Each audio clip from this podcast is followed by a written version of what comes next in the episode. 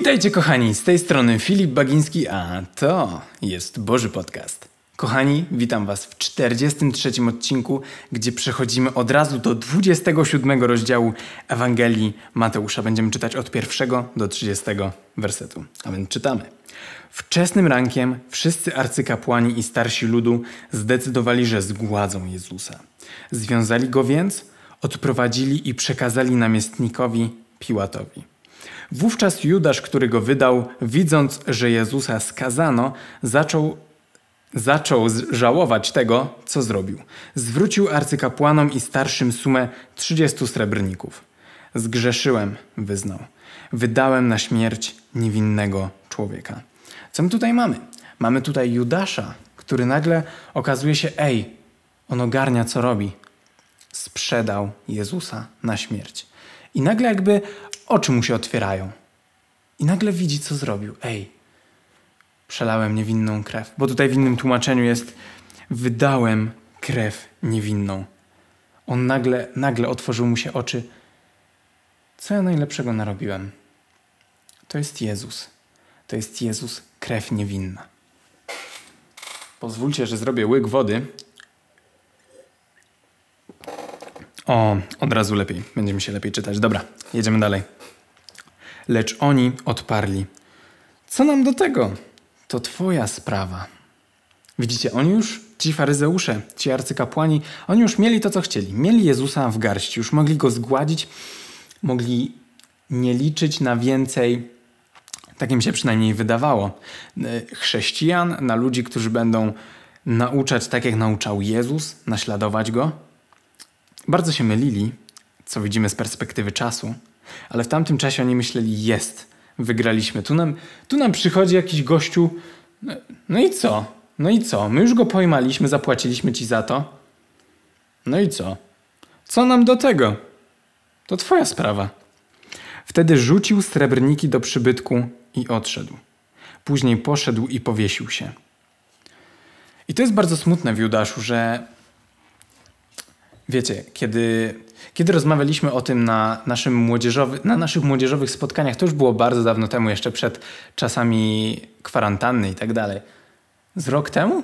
Z 8 miesięcy temu, jakoś na młodzieżówce, porównywaliśmy wtedy postacie. Właśnie braliśmy pod uwagę Judasza. Co musiało się dziać w jego głowie, że on poszedł i się powiesił? Przecież znał Jezusa wiedział, że wydał Jezusa, ale doszliśmy do wniosku, że Judasz poszedł i się powiesił, dlatego że zawsze, kiedy zgrzeszymy i zostaniemy w tym sami, coś niedobrego zaczyna się dziać. To samo spotkało Judasza. On nie wrócił do uczniów. Przecież wszyscy opuścili Jezusa. No, wszyscy. Jeżeli cofniemy się, to nawet Piotr się złamał. Pamiętacie? Trzy razy kur zapiał. I zastanawialiśmy się, jaka jest różnica pomiędzy Piotrem a Judaszem, oprócz tego, jacy byli wcześniej mentalnie. To jaka jest różnica? Oboje się złamali. Oboje zgrzeszyli. Piotr uciekł, zaparł się Jezusa, jakby go nie znał.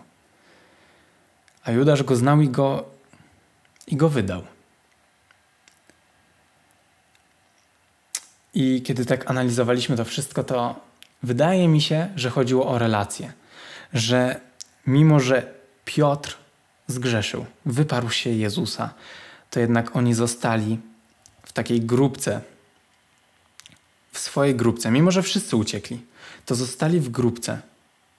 Myśleli, no i co dalej? Nie ma z nami nauczyciela, nie ma z nami Jezusa, co dalej? Ale byli w tym wszystkim razem. O to chodziło, a Judasz zupełnie się od nich odciął. Zupełnie. A pamiętacie, jak Piotr odcinał się od wszystkich innych, choćby i oni się zaparli. Ja nigdy. Pamiętacie to? Kiedy odcinamy się od ludzi, od ludzi nam bliskich, też idących za Jezusem, złe rzeczy zaczynają się dziać. Automatycznie od razu zaczęło się dziać w życiu Piotra złe rzeczy.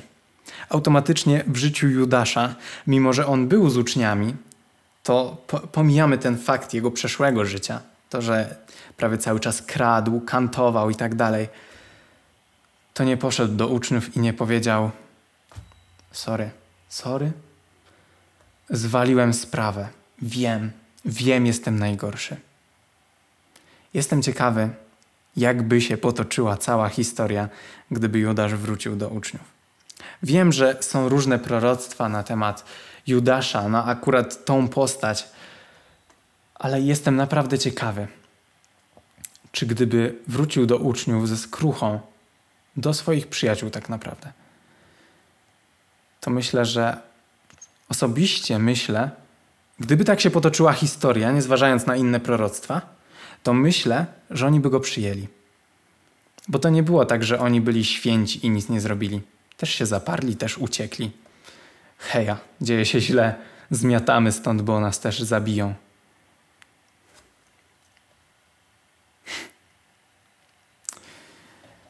Tak się stało. Tak się stało.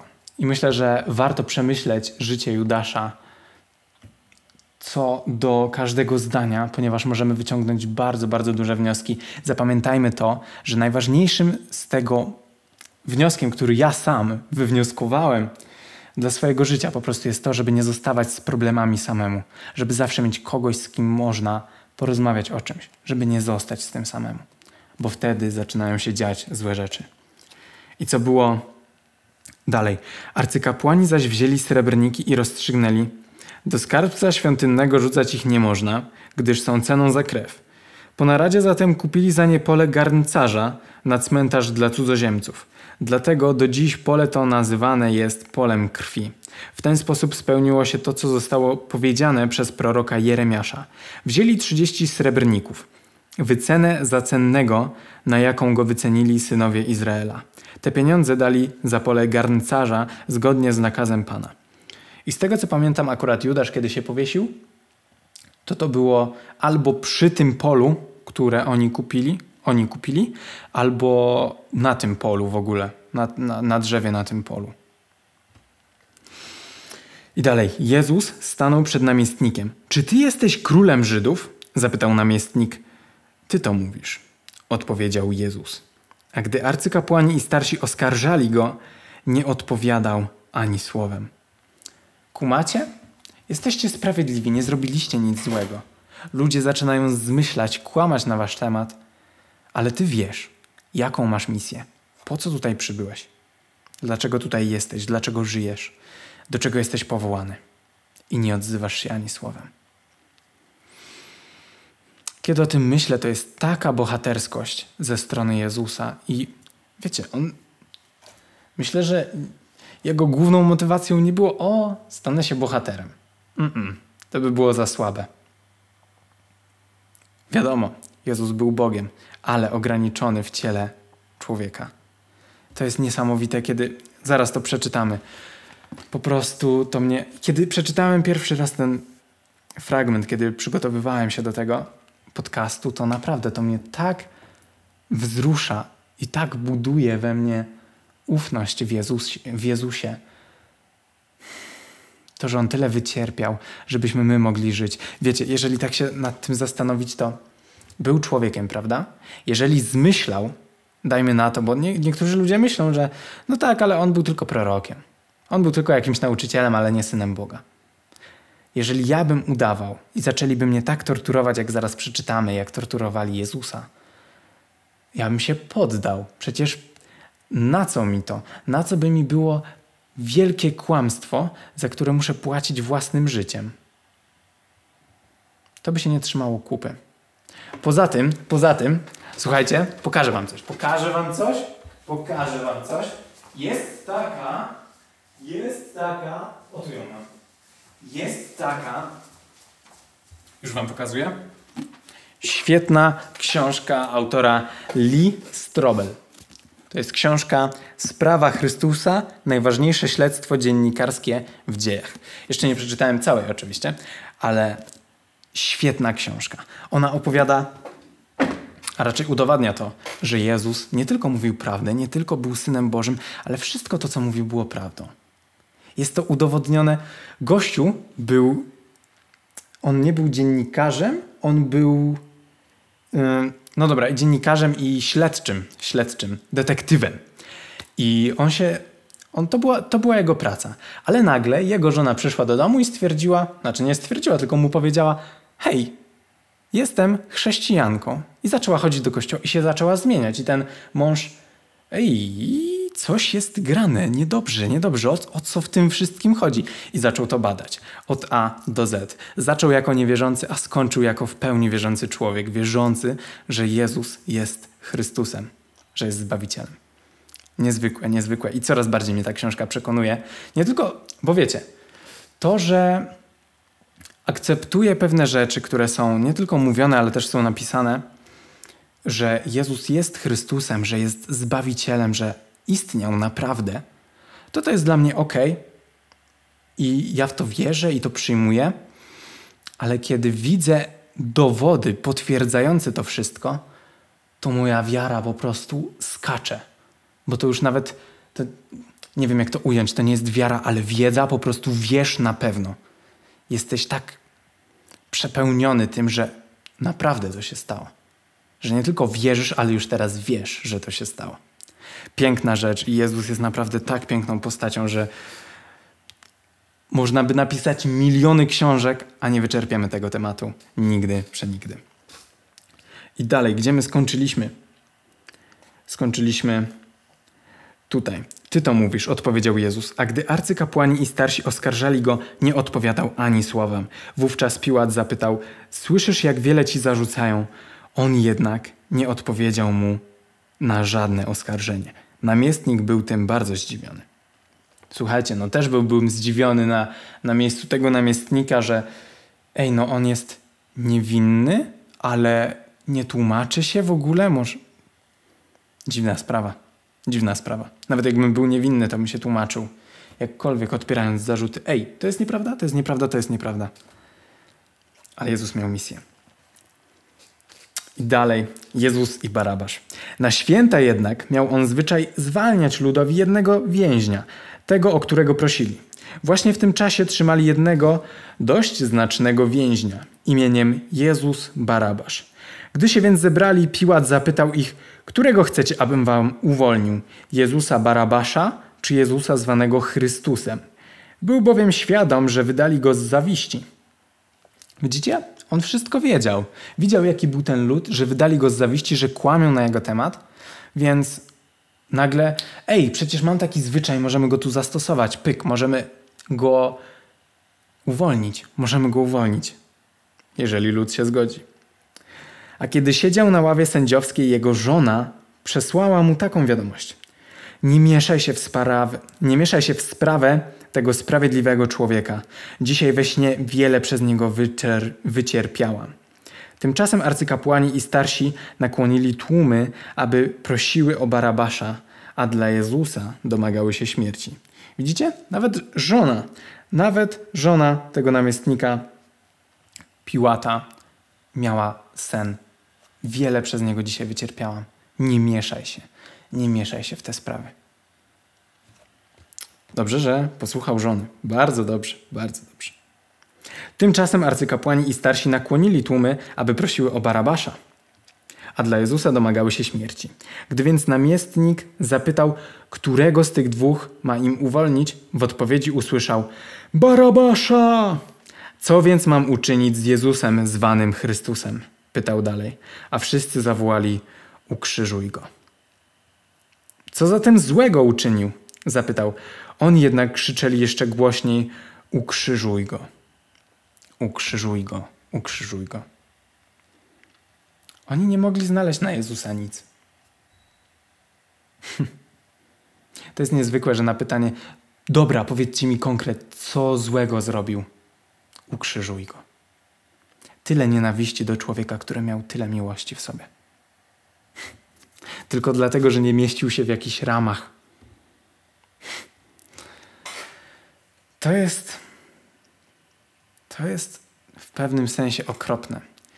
Ile złego może uczynić człowiek. Na szczęście w niebie nie będzie zła, nie będzie bólu, będzie wiele miłości, wiele radości. To będzie niezwykłe miejsce. Niezwykłe miejsce, do którego wszystkich Was zapraszam. I dalej lecimy. Mm-mm-mm. Skończyliśmy tutaj.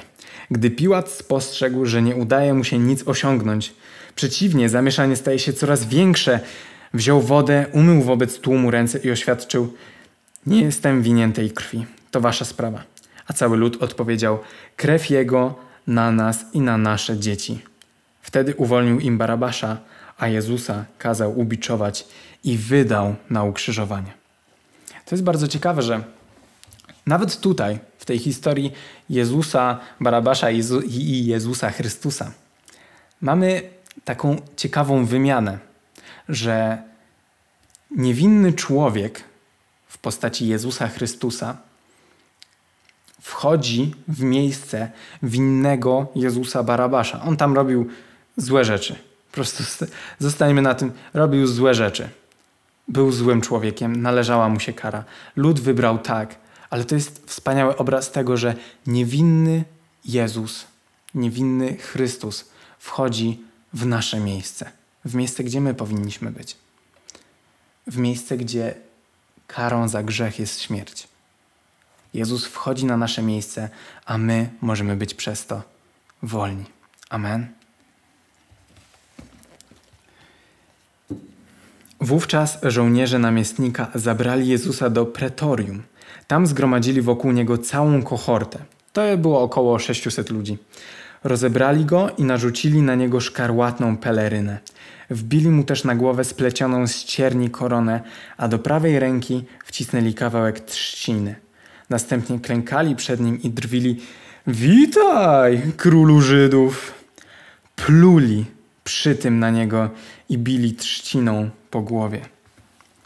Wiecie, można to przeczytać i po prostu przelecieć ten fragment, ale jeśli naprawdę się zastanowicie, że to był Bóg, że to był syn Boga, Jezus Chrystus, pobity, poniżony, pluli mu w twarz, bili.